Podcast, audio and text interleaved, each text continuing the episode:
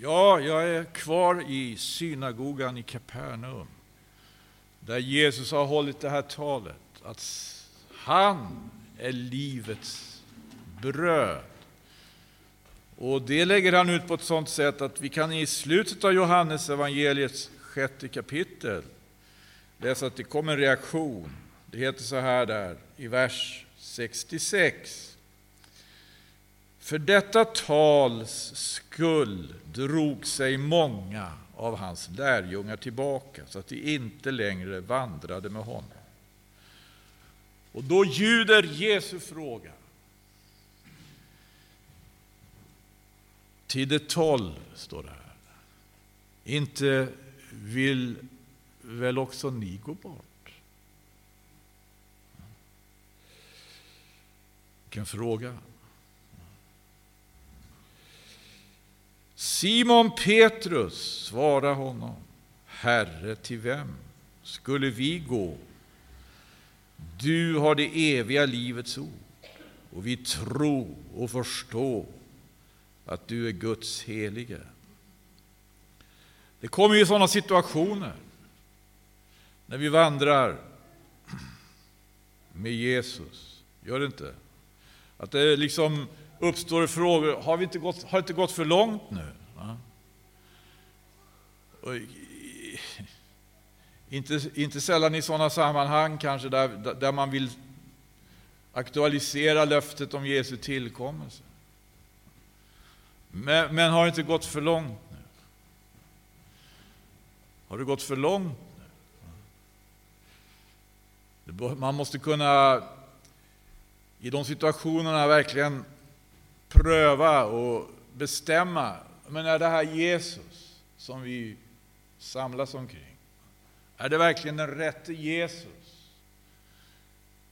Den som i det här läget hade svaret, det var ju Simon Petrus. Det verkar som de hade gått för långt med honom.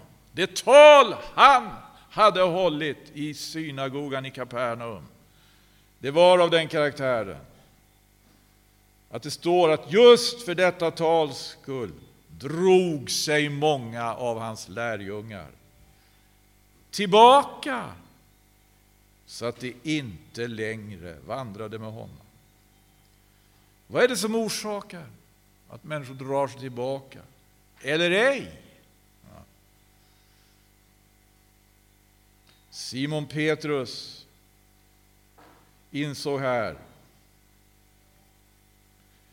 de hade gått för långt. De hade gått för långt med honom. De hade sett för mycket. De hade hört för mycket för att de skulle kunna gå någon annanstans. Herre, till vem skulle vi gå? De hade gått för långt med honom för att det skulle kunna finnas någon annanstans att gå. Det här tycker jag är, det är värt att fundera på. Simon Petrus förstod att, att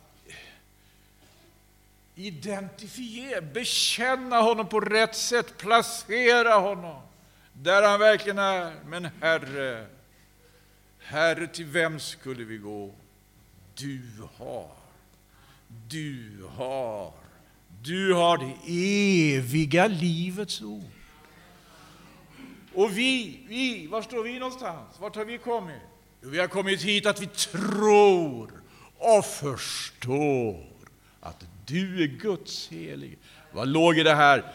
Du är Guds helige. Guds helige, vem var det? Vem var Guds helige? Det var faktiskt en som kallades för Guds helige i Israel och det var ju översteprästen. Det här är en enorm bekännelse. Den som var helig, till skillnad från de som inte var det, som bara gjorde sådana kanske anspråk. Den situationen mötte ju Israels barn i öknen. Och då de här frågorna också reddes ut. Nu ska vi gå till På tal om det här då, har vi gått för långt? Har vi verkligen förmågan att eh, ta oss vidare? Hur ska vi ta oss vidare om vi har gått för långt med honom? Vi ska lyssna på Simon Petrus. Det gäller att hålla fast vid bekännelsen. Det gäller att inte släppa honom. Det gäller att eh, ha förmågan att skilja allting annat. Alla, så att säga, när man är frestad att ta någonting bort ifrån honom. Därför att det skulle bli lättare kanske då. Eller lägga något till honom som inte egentligen alls hör honom till. Då kanske vi får tillbaka de här som har tagit anstöt. Då kanske de återvänder. Många av hans lärjungar upphörde vandra, men de var alltså hans lärjungar. De hade sett saker, de hade hört saker. Men så, så där, nu går det för långt. Men då vänder han sig till de tolv. Ja, det är sant. Det, det, det är så här, vi har gått för långt. Men de resonerar inte på det sättet att de, de, de liksom gjorde det här som de hade sett och hört till en anledning att också då de vek av. Nej, vi har gått för långt. Vi har sett för mycket. Vi har hört för mycket för att vi ska kunna släppa det här nu. Vi kan inte släppa det här nu. Det, det är en allvarlig fråga att bevara det som vi har hört från begynnelsen, som en av de här tolv lärjungarna så småningom formulerar sig. Det som vi har hört från begynnelsen, att inte släppa det. De hade varit med honom från begynnelsen. Vi har en situation i Andra Mosebok som kanske kan lära oss någonting om det här. Israels barn hade kommit till Sinai berg i öknen. De hade gått för långt med Mose, de kunde inte återvända. Vad skulle de återvända till? Det skulle bara bli... Egyptierna skulle göra slut på dem. kommer de här förhatliga människorna tillbaka. I Andra Moseboks 32 kapitel så heter det så här då. Den här situationen tycker jag, den har väl en profetisk, om något.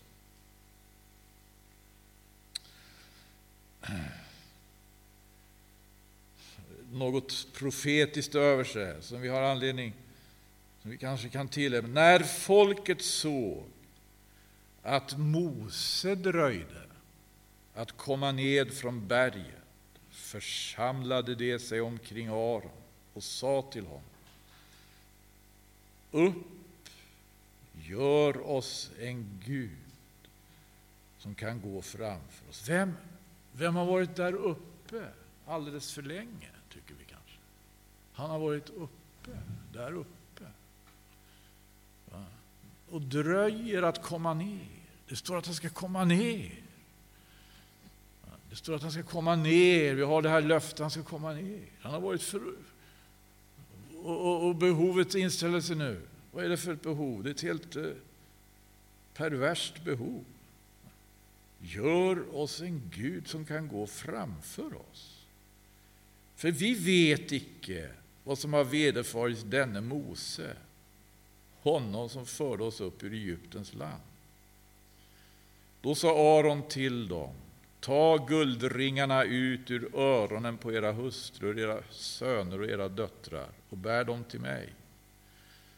Då tog allt folket av sig guldringarna som de hade i öronen och de bar dem till Aron. Och han tog emot guldet av dem och formade det med en mejsel och gjorde därav en gjuten kalv. Och det sa, detta är din Gud Israel han som har fört dig upp ur Egyptens land.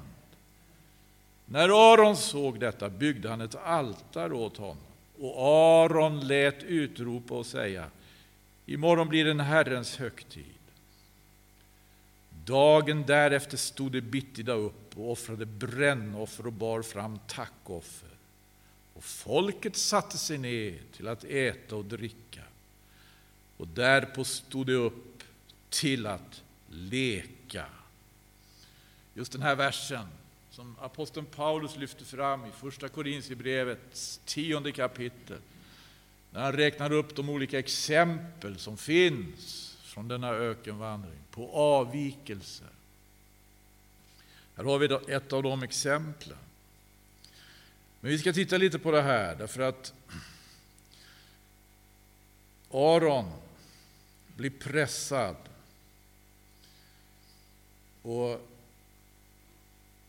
börjar försöka få till stånd någonting då som ska göra att det här folket låter sig liksom nöja. Och Det är faktiskt vissa saker här, om de tänkt på det, som, som, är, som är riktiga i det här. Och det är ju så... Vi, vi tycker det här är helt galet, ja, ja det är det ju naturligtvis. Men vi ska se hur, hur det här det, det handlar om att blanda saker som är riktiga med saker som inte är det. För det första så står det om att de behövde en Gud. Och det som det använder för ord här för Gud, det är just det ord som Gamla Testamentet använder om Gud. Elohim. De vill ha Elohim. De vill ha den Gud som det står om i Första Mosebok. Att han skapade himmel och jord. Ja. I begynnelsen skapade Elohim himlarna och jorden. De, de, de, de, de talar inte om någonting annat. liksom. Och Det är han som har varit borta från dem, tycker de. Det är honom de vill ha. Men det blir då det här vansinniga att eh, det skapas en bild, en avgud. Aron, stod det, tog emot guldet av dem och formade det med en mejsel och gjorde därav en gjuten kalv. Och det sa, detta är din Gud Israel, han som har fört dig upp ur Egypten. Ja, men här har vi också någonting som var på sätt och, sätt, sätt och vis väldigt riktigt begrepp om Gud. Därför det var Gud som hade fört dem upp ur Egyptens land. För det första, Elohim, det är Gud. För det andra, han har fört dem upp ur Egyptens land. Ja, men det stämde ju, det var det det handlade om. Tänk, de rörde sig med trots allt de tankarna, men det här är din Gud Israel. Och så pekar han på en gyllene kalv. Det var Gud som hade fört dem upp ur Egyptens land. Men det fanns en som var uppe på berget. De hade, han hade dröjt för länge, tyckte de. Och så står det också att Aron lät utropa och säga imorgon blir en Herrens högtid. Och det också, Herren är ju Gud. Det finns två namn framförallt på, på Gud i Gamla förbundet. Det ena är det här Gud, alltså Elohim, och det andra är Herren, eller de tre hebreiska skrivtecken som egentligen judarna aldrig använder och uttalar, men som finns. Det är tre hebreiska skrivtecken som betecknar namnet på Gud. Men det heter Herren i vår översättning därför att vissa judar som översatte Gamla testamentet till grekiska på den tiden skrev över det här då med Adonai. Men egentligen står det tre hebreiska skrivtecken. Det är de tre hebreiska skrivtecken av vilket ett upprepas, och det blir fyra på en rad som bildar namnet på Gud, den verkliga guden, den rätte guden. Ja. Och så står det Dagen därefter stod de bitte upp och offrade brännoffer och bar fram tackoffer. Brännoffer står det om i Mose lag, liksom om tackoffer. Det var offer som det står stadgat om. Här, stod, här fanns alltså en hel del. Det fanns både namnet, det fanns begreppet han har fört oss upp ur Egyptens land, det fanns offer som Mose hade skrivit om i lagen, men en gyllene kall. Det var en gyllene kall. De hade fått ihop en gyllene kall och sa det, det där det här, det är den här. Och han skulle gå framför dem. Men han kunde inte gå alls, den här gyllene Han kunde stå där. Och det här var ju, och det kan vi läsa om vidare här då, en katastrof. Därför den som var där uppe, i det här fallet var det Mose, han fick höra om det här. Det står att Herren sa i sjunde versen till Mose, gå dit ner. Ditt folk som du har fört upp ur Egyptens land och tagit sig till att vara fördärvligt där. De har redan vikit av ifrån den väg som jag bjöd dem gå. Det har gjort sig en gjuten kall. Den har de tillbett, åt den har de offrat och sagt. Detta är din Gud Israel, han som har fört dig upp ur Egyptens land. Och det var ju så riktigt så att Gud hade fört dem upp ur Egyptens land, men nu har faktiskt Gud själv invändning mot den gyllene kall. Och så säger han, de har redan vikit av ifrån den väg som jag bjöd dem gå. Det har gjort sig en gjuten kalv. Den har det tillbett, åt den har det offrat och sagt, detta är din Gud Israel. Han som har fört dig upp ur Egyptens land.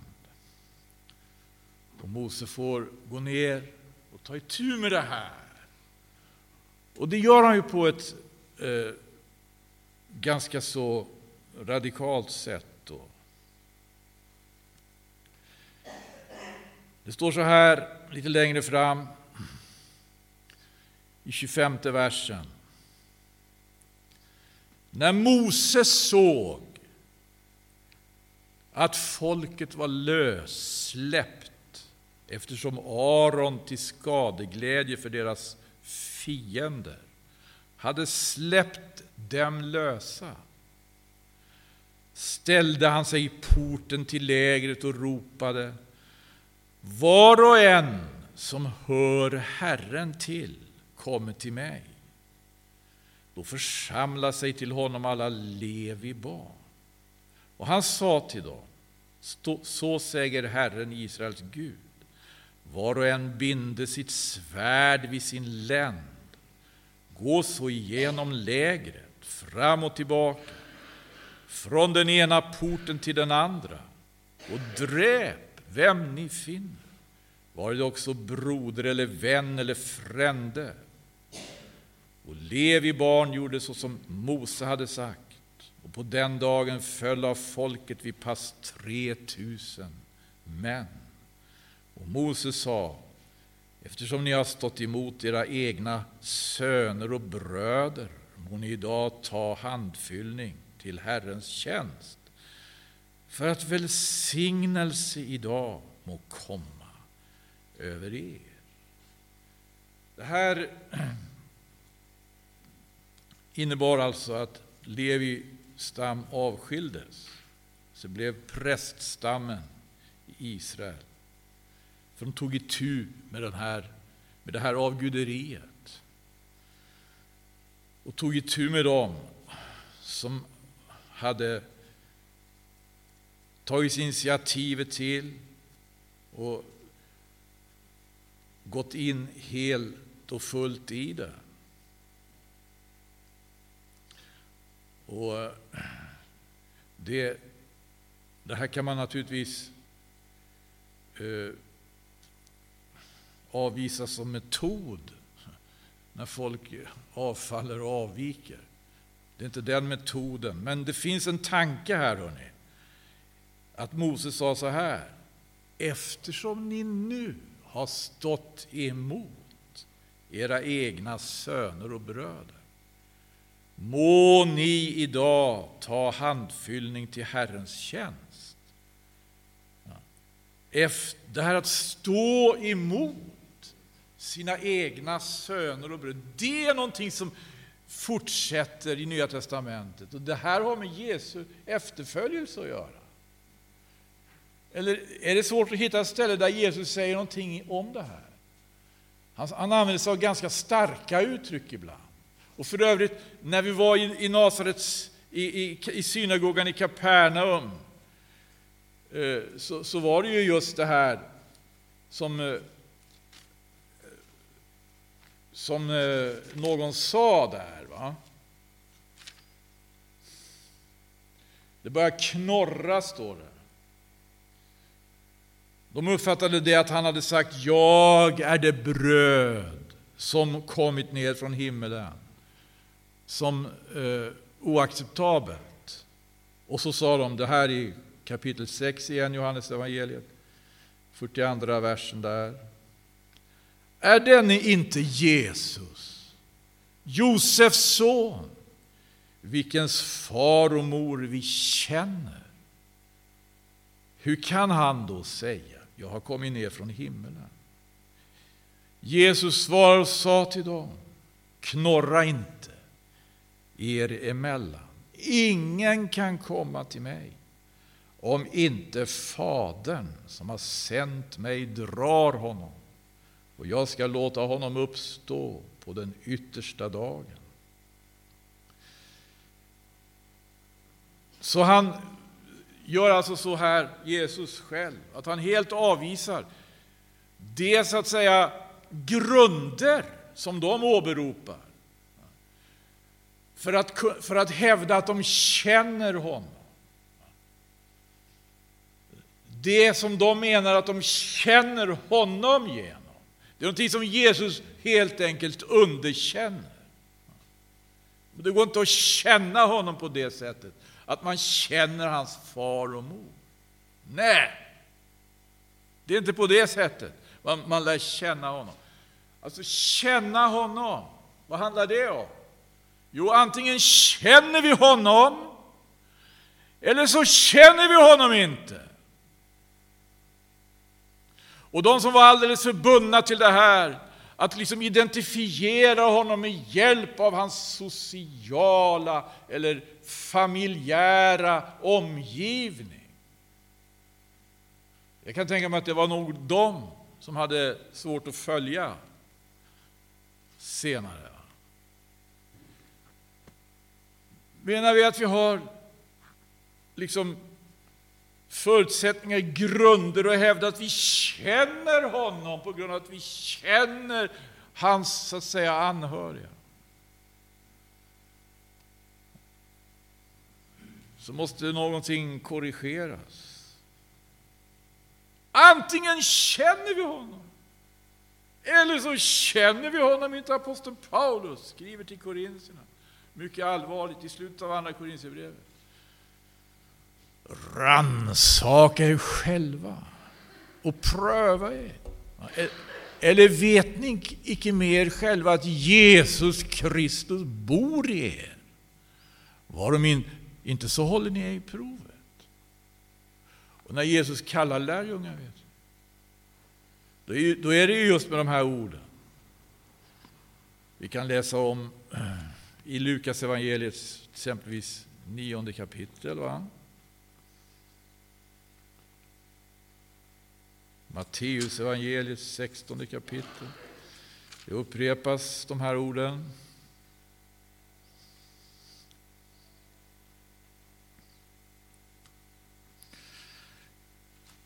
I alla evangelierna på ett eller annat sätt. Matteus 16 sa vi vers 24.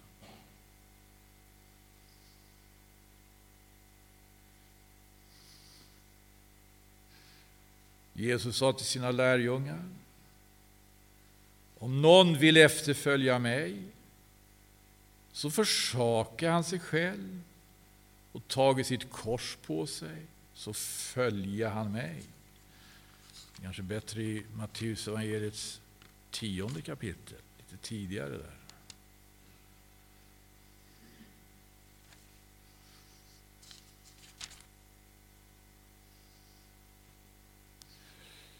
Det står så här i 34 versen. Ni ska icke mena att jag har kommit för att sända frid på jorden. Jag har icke kommit för att sända frid, utan svärd. Vilket svärd var det då? Leviterna de använde svärdet av stål och det är förkastligt, det ska vi inte använda. Men de, de gjorde någonting som var riktigt, de stod emot. Står det. De stod emot det här trycket från avgudadyrkarna. De stod emot trycket från dem som fullständigt alltså tappade perspektivet. Ni ska icke mena att jag kommer för att sända frid på jorden. Jag har icke kommit för att sända frid, utan svärd. Ja, jag har kommit för att uppväcka söndring, så att sonen sätter sig upp mot sin far och dottern mot sin mor och sonhustrun mot sin svärmor. Och en var får sitt eget husfolk till fiende. Den som älskar far eller mor mer än mig, han är mig icke värdig. Och den som älskar son eller dotter mer än mig, han är mig icke värdig. Och den som inte tar sitt kors på sig och efterföljer mig, han är mig icke värdig. Den som, den som finner sitt liv, han ska mista det. Och den som mister sitt liv för min skull, han ska finna det. Så nu har vi väl ändå gått, nu har, vi, nu har det väl ändå gått för långt, har det inte det? Har det gått för långt nu? Nu tycker många att det har gått för långt, nu, nu är vi inte med längre. Varför, vad då för då? Skulle inte han äga en större värdighet än någon annan vi mött, sett eller lärt känna? Om vi på grund av att vi sett, mött eller lärt känna några som vi föreställer oss har med honom att göra, så kanske vi måste vara lite försiktiga nu och vaksamma inför den föreställningen. Pröva i bön, är det här verkligen ja, är det det rätta det här? Är det den rätta? Kan vi säga att vi känner honom på grund av att vi känner hans pappa och mamma? Nej, det gick inte. Nej. Ingen kan komma till mig om inte Fadern som har sänt mig drar honom.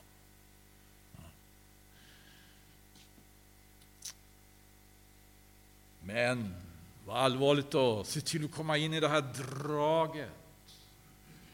Se till att komma in i det här draget, se till att komma så inom hörhåll, se till att komma så att säga och ta itu med alla de här formerna av avvikelse, fruktansvärda avvikelser ser vi, som gör sig gällande när vi läser ordet, som vill dra människors uppmärksamhet från, från, från den som var där ovan. Han var där ovan, han var uppe på berget. Han dröjde att komma ner. Han dröjde att komma ner. Jesus han är på Faderns högra sida. Han har dröjt att komma att stiga ner på han, han har dröjt att stiga ner på skyn. Men en apostel vill förklara det här för oss. Han dröjer icke, står det. Han dröjer, men han är långmodig. Ja, det är förklaringen. Han är långmodig mot er, eftersom han inte vill att någon ska förgås. Utan att alla ska vända sig till bättring. Det är eh, verkligen en tillgång i den här situationen. Hörni. När det har gått för långt, tycker vi det har gått för långt, då är det en väldig tillgång att det finns något som heter bättring, sinnesändring. Det var det, det var det som några var öppna för. Några bland de tolv var öppna för det. Petrus, Simon Petrus, han var öppen för det. Han vägde för och emot, han såg sig omkring. De säger vi har gått för långt. Ja, vi har gått för långt. Men vart ska vi gå då? Vi har sett för mycket. Vi har hört för mycket. Vi har fått för mycket information för att vi ska kunna avvika nu. Men avvikelserna presenterar sig, gör sig gällande. Här gäller det att vara vaksam. Visst gör det det. Det står ju här att Mose han uppträdde med stor frimodighet. Vilken frimodighet! Så han ställde sig i porten till lägret och så ropade han Var och en som hör Herren till, han kommer till mig. Här var det, här, här var det en som hade prövat sig verkligen. Om sitt förhållande till Gud. Tänk att vara så frimodig. Var och en som hör Herren till, han kommer till mig. Det är alltså det, det, det, det, som har med Herren att göra här, det är, det är Mose. Det är inte Aron, fast det borde vara Aron. Lägg märke till vad Aron säger. Han säger så här, då han håller på, då den här gyllene kalven är, är färdig då i femte versen i Andra Mosebok. Imorgon blir en Herrens högtid. Det är också frimodigt. Det låter frimodigt. Det låter så frimodigt. Imorgon, han kan bestämma. Så han kan bestämma, imorgon blir det en Herrens högtid. Det, det som vi gör imorgon, det, det, det, det, det kommer verkligen att vara ägnat åt Herren. Han, han, han säger det så. Men det är ingen frimodighet. Det, det ser ut som frimodighet. Det kanske låter så. Men undersöker vi närmare så ser vi att det här är förvillelse. Det är förvillelse. Han har en väldig uppbackning. Här får hela folket med sig nästan. Alla utom leviterna, för de var fundersamma helt uppenbart. Och det låter som att han är så övertygad om att ja, ja, ja, det här vi förbereder nu, det blir en Herrens högtid. Men så kommer hans bror Mose ner från berget. Och han ropar var och en som hör Herren till. Han kommer till mig. Och nu är det inte lek. Nu är det inte lek. Nu är det smärtsamt.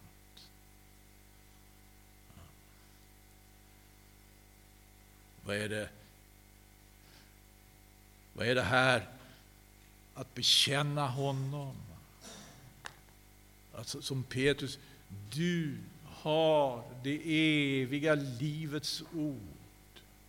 Vad är det? Det ordet är, som utgår från hans mun, det är som ett svärd, eller hur? Det är Andens svärd. Andens svärd. Och profeten Jeremia är ju inne på det här, är han inte? Någonstans. Man ska inte försumligt utföra Herrens verk. Här har vi Mose. Var och en som hör Herren till kommer hit till mig. Och då var det rätt. Och den uppgörelse som skedde då, den stämde överens med Guds tankar. Men när, när Aron så står där och säger imorgon blir en Herrens hög, då var det inte rätt.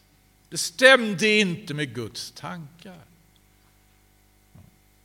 Och när man hade offrat och sen stod man upp till att leka och allting var så angenämt, det stämde inte med Guds tankar. Leken. Det var inte, det var inte alls tid för. Det var någonting på gång nämligen, det var någonting på gång uppe i höjden. Som det gällde att, att inte missa. Det var någonting på gång. Det var någonting på gång. Någonting. som det gällde att vara redo inför. Var redo inför. Och de som inte var redo då ska tro att det blev jämmer och dödsklagan. Det står att det ska bli en dödsklagan. Det står när han, när han kommer. Va? Det står i, i Uppenbarelsebokens första kapitel och vers 7. Se, han kommer med skyarna. Och allas ögon ska se honom. Och alla släkter på jorden ska jämra sig vid hans tillkommelse. Alla släkter. Allas ögon ska se honom, ja, och deras som har stungit honom.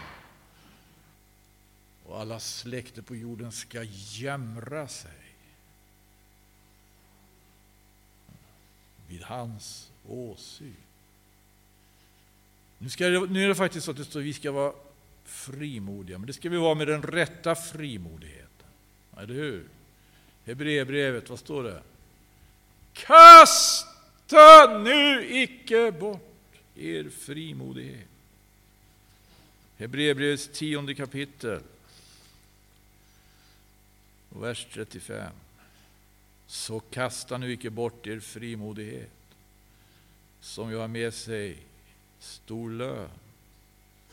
Och denna frimodighet står, den går hand i hand med ståndaktighet. Det står, ni behöver nämligen ståndaktighet för att kunna göra Guds vilja och få vad utlovat är. Kasta icke bort er frimodighet, det ska vara den rätta frimodigheten. Mose uttrycker den. Var och en, var och en som hör Herren till, var och en som hör, han kommer till mig, kom till mig.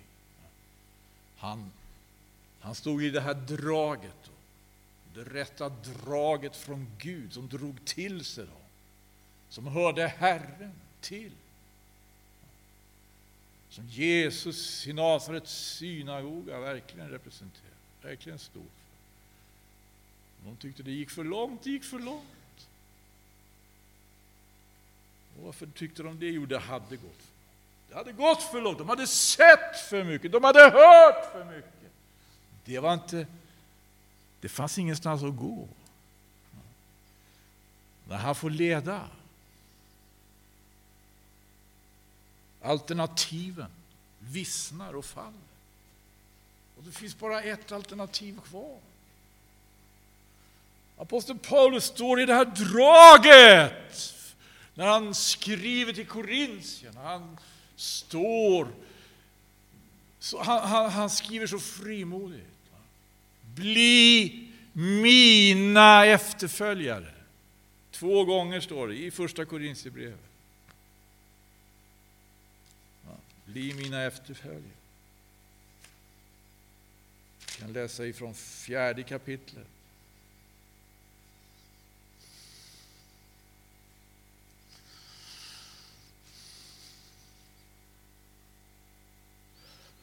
Från vers 15-16. Om ni än hade 10 000 uppfostrare i Kristus så har ni dock icke många fäder.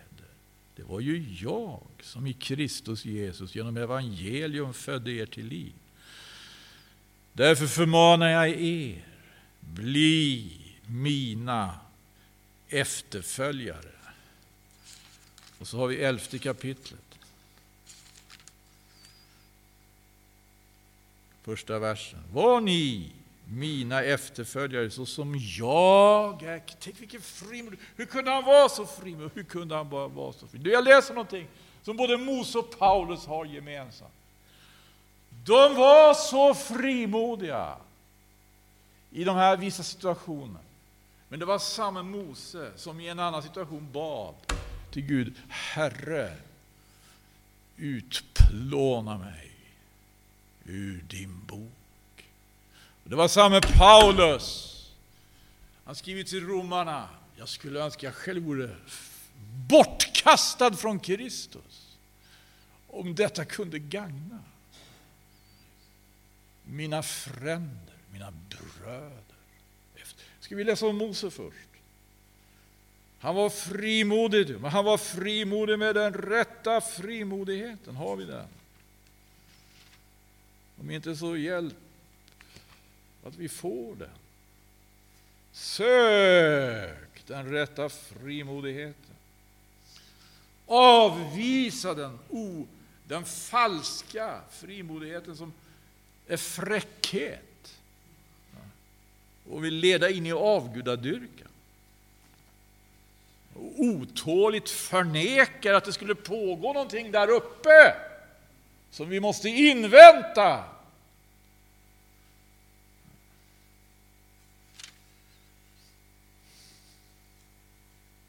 I 30 versen i Andra Moseboks 32 kapitel. Dagen därefter sa Mose till folket, ni har begått en stor synd.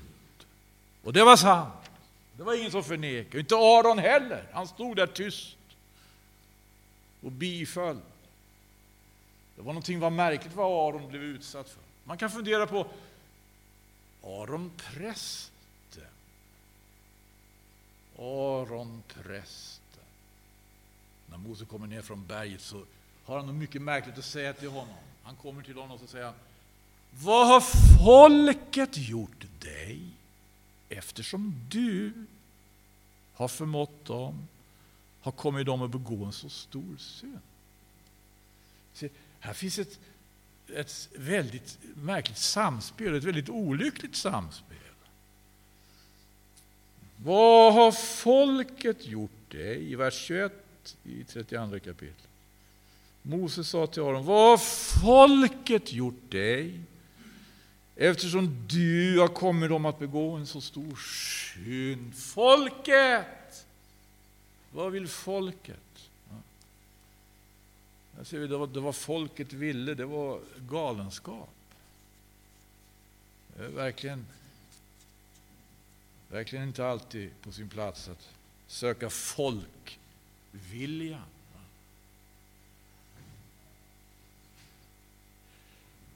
Men så heter det så här i 30 versen. Dagen därefter sa Mose till folket, ni har begått en stor synd. Jag vill nu stiga upp till Herren och se till om jag kan bringa försoning för er synd. Och Mose gick tillbaka till Herren och sa, ack, detta folk har begått en stor synd. Det har gjort sig en gud av guld. Men förlåt dem nu deras synd. Var de icke så utplåna mig ur boken som du skriver i. Det, det här alltså finns i botten då, när han trädde fram så frimodigt, så skulle det vara någonting annat än Herren. Skulle det vara någonting annat än Herren som kommer till uttryck, så radera ut mig. För vad ska jag stå och sprattla för? Om inte människor får möta Gud i det jag har att säga eller uttrycka på något vis. Aposteln Paulus, han var så frimodig och sa och skrev Bli mina efterföljare. Vilken frimod, bli mina efterföljare. Så som jag är Kristus, ja det är säkert, det är hundra procent säkert. Han var Kristi efterföljare. Och det som kom till uttryck genom honom, det var Kristus. Det kom inte alltid saker till uttryck genom honom som människor kanske ville förknippa med Kristus. När han kom till Galatien så erkänner han, skrivit till Galatien, mitt, det skulle kunna vara en frestelse för er. Mitt kroppsliga tillstånd. När han kom, han, kom inte, han såg inte ut då tydligen som en Guds tjänare eller som en Gud, som de eventuellt begärde. Hans kroppsliga tillstånd kunde, det kunde vara en frestelse. Ändå så tog ni emot mig så som en Guds ängel. Ja, så som Kristus Jesus själv. Ja. Därför det fanns det faktiskt anledning, det fanns anledning att ta emot honom. Så. Bli mina efterföljare. så som jag är Kristi, Kristi efterföljare. Men till romarna skriver han i Romarbrevets nionde kapitel. Jag talar sanning i Kristus, jag ljuger icke. Därom bär mitt samvete mig vittnesbörd i den helige Ande när jag säger att jag har stor bedrövelse och oavlåtligt kvar i mitt hjärta. Ja, jag skulle önska att jag själv vore förbannad och bortkastad. Här har 1917 laddat upp rejält. Det står egentligen bara förbannad eller bortkastad. Beroende på hur man vill översätta ordet anatema. Anatema. Det ordet har vi, vet vi, på andra ställen. Det är ju, jag skulle önska att jag själv vore anatema. Alltså bortkastad, fördömd, förkastad från Kristus. Om detta kunde gagna mina bröder, mina fränder efter köttet.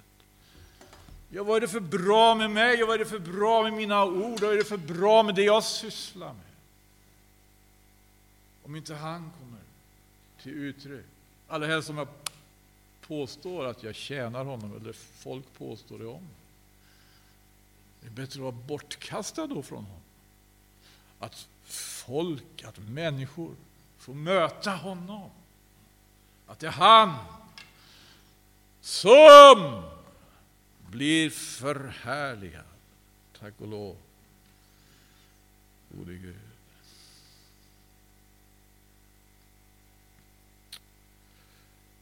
Det står ju i 119 salmen i vers 52 idag. Jag tänker på dina domar i forna tider, Herre, och jag blir tröstad. Jag tänker på dina domar i forna tider, Herre. Och jag blir tröstad. Och vad är det som kan trösta då, när det, gäller, när det handlar om domar? Är inte det just det att här, i, när Gud dömer så går ju alltså en skiljegräns som skiljer sanning från lögn. Och det är en tröst. Det är en tröst för den som söker sanningen. Som vill hålla sig till sanningen. Jag läste om en av de domarna här. Jag, ska vi läsa som det står här i psalm 119.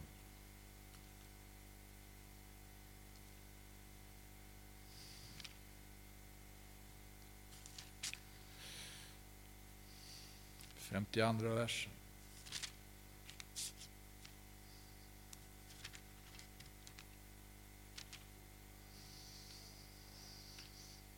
Jag tänker på dina domar i forna tider, Herre.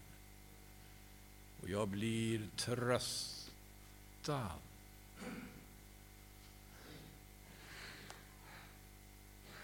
När, när Jesus trädde fram, kan vi läsa, då, då lever han, då, då är de här tankarna hos honom. Då kommer ju påminnelserna om hur det var på, på den tiden. Så som det var i Noas dagar. Så som det var i Lots dagar. Och människorna var helt, levde helt på horisontalplanet. Och var inte på något sätt redo för det som pågick där ovan. Det som pågick där ovan.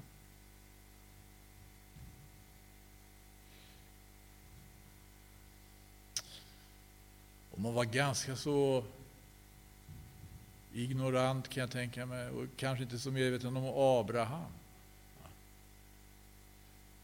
Som bad församlingen ska vara en bedjande församling. En sån församling som har fått nycklar, vet vi. Som kan binda och lösa. Abraham var en sån bedjare. Det här behöver församlingen definitivt vara klar över.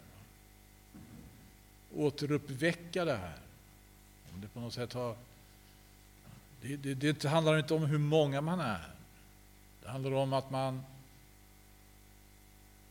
äger den vaksamheten inför det som Gud har talat. Att man är medveten om att det pågår någonting där ovan. Det pågår någonting. Det är allt som finns, det är inte det vi ser i världen. Gode Gud. Tänk, nu kablas bilderna ut. Det här teleskopet som har skickats upp, James Webb, som fångar in ett oerhört praktfullt scenario. Ett oerhört praktfullt scenario. Vad tänker människor på när man ser det här oerhört praktfulla scenariot? Jag skulle vilja påstå att då när Jesus stod i synagogan i Kapernaum, då fick de se en mäktigare syn än vi någonsin kommer att få se med hjälp av James Webb. När Jesus stod i synagogan i Kapernaum, när han sa det, jag är livets bröd fick de som hörde honom höra någonting som var mycket mäktigare än någonting annat som hörts eller kommer att höras. Va? När människor utforskar tillvaron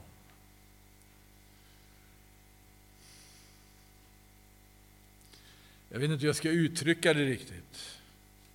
Det är något som rör sig inom mig. Ska vi hejda oss lite grann och tala med Herren någon, led i bön.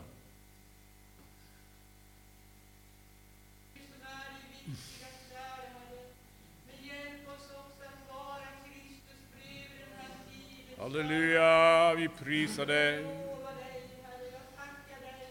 Halleluja, beder dig.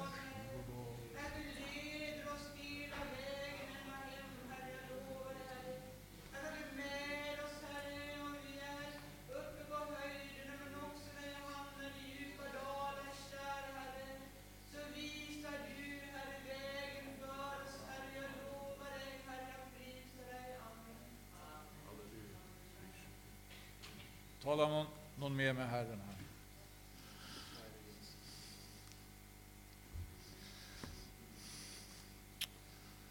Halleluja.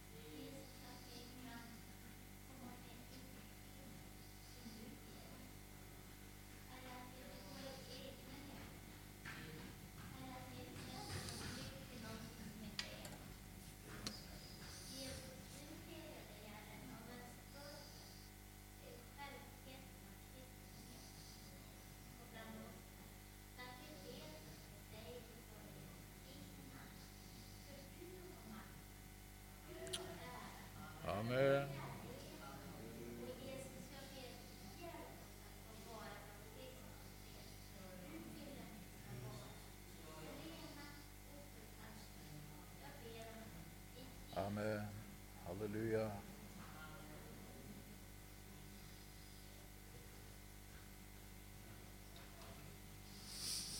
Ja, jag står här i Folkets hus. Jag talar om en folkrörelsetradition i vårt land. Det är mycket gott som den har fört med sig. Jag talar till en skara på Jesus Kristus troende som tillhör en väckelse, kan vi säga tradition? Frikyrkotradition, det vet jag inte om vi riktigt är med på. Vad finns det för skydd för oss i tradition? Det kan finnas väldigt mycket skydd i traditionen. Väldigt mycket skydd, men eh, det det är ganska negativt om skyddet blir ett skydd mot Gud. Behöver vi skyddas mot Gud?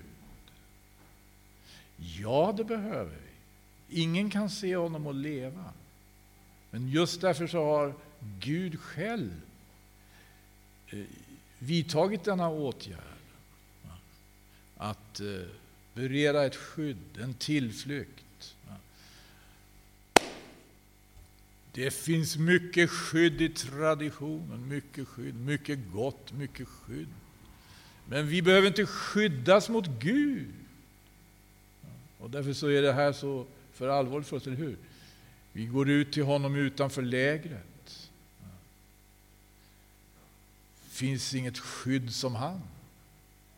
Det finns inget skydd som det skydd han kan erbjuda. Det finns ingen räddning som den han kan erbjuda. Vad är det för skydd? Korset. Jo, det skyddar ju våra själar mot Guds vrede. Och vi ska inte frukta dem, har han lärt oss, eller hur? Som väl kunna dräpa kroppen, men sen inte har makt att göra något mer. Men har det inte gått för långt nu? Har det inte gått för långt nu? Kanske har det det, men vi har ju dessa informationer. Vad ska vi göra med dem? När tiderna blir kärvare. När man börjar vässa blickarna mot de kristna. Det har väl pågått ett tag redan. Och vad egentligen placerar vi oss själva och våra erfarenheter i förhållande till tiden vi lever i, i förhållande till den värld vi lever i? I förhållande, i förhållande till honom själv. Viktigt att vi prövar oss, vår bekännelse. Viktigt att vi är klara över det här. Att eh, det finns inget alternativ. Må Herren hjälpa oss. Tack för uppmärksamheten.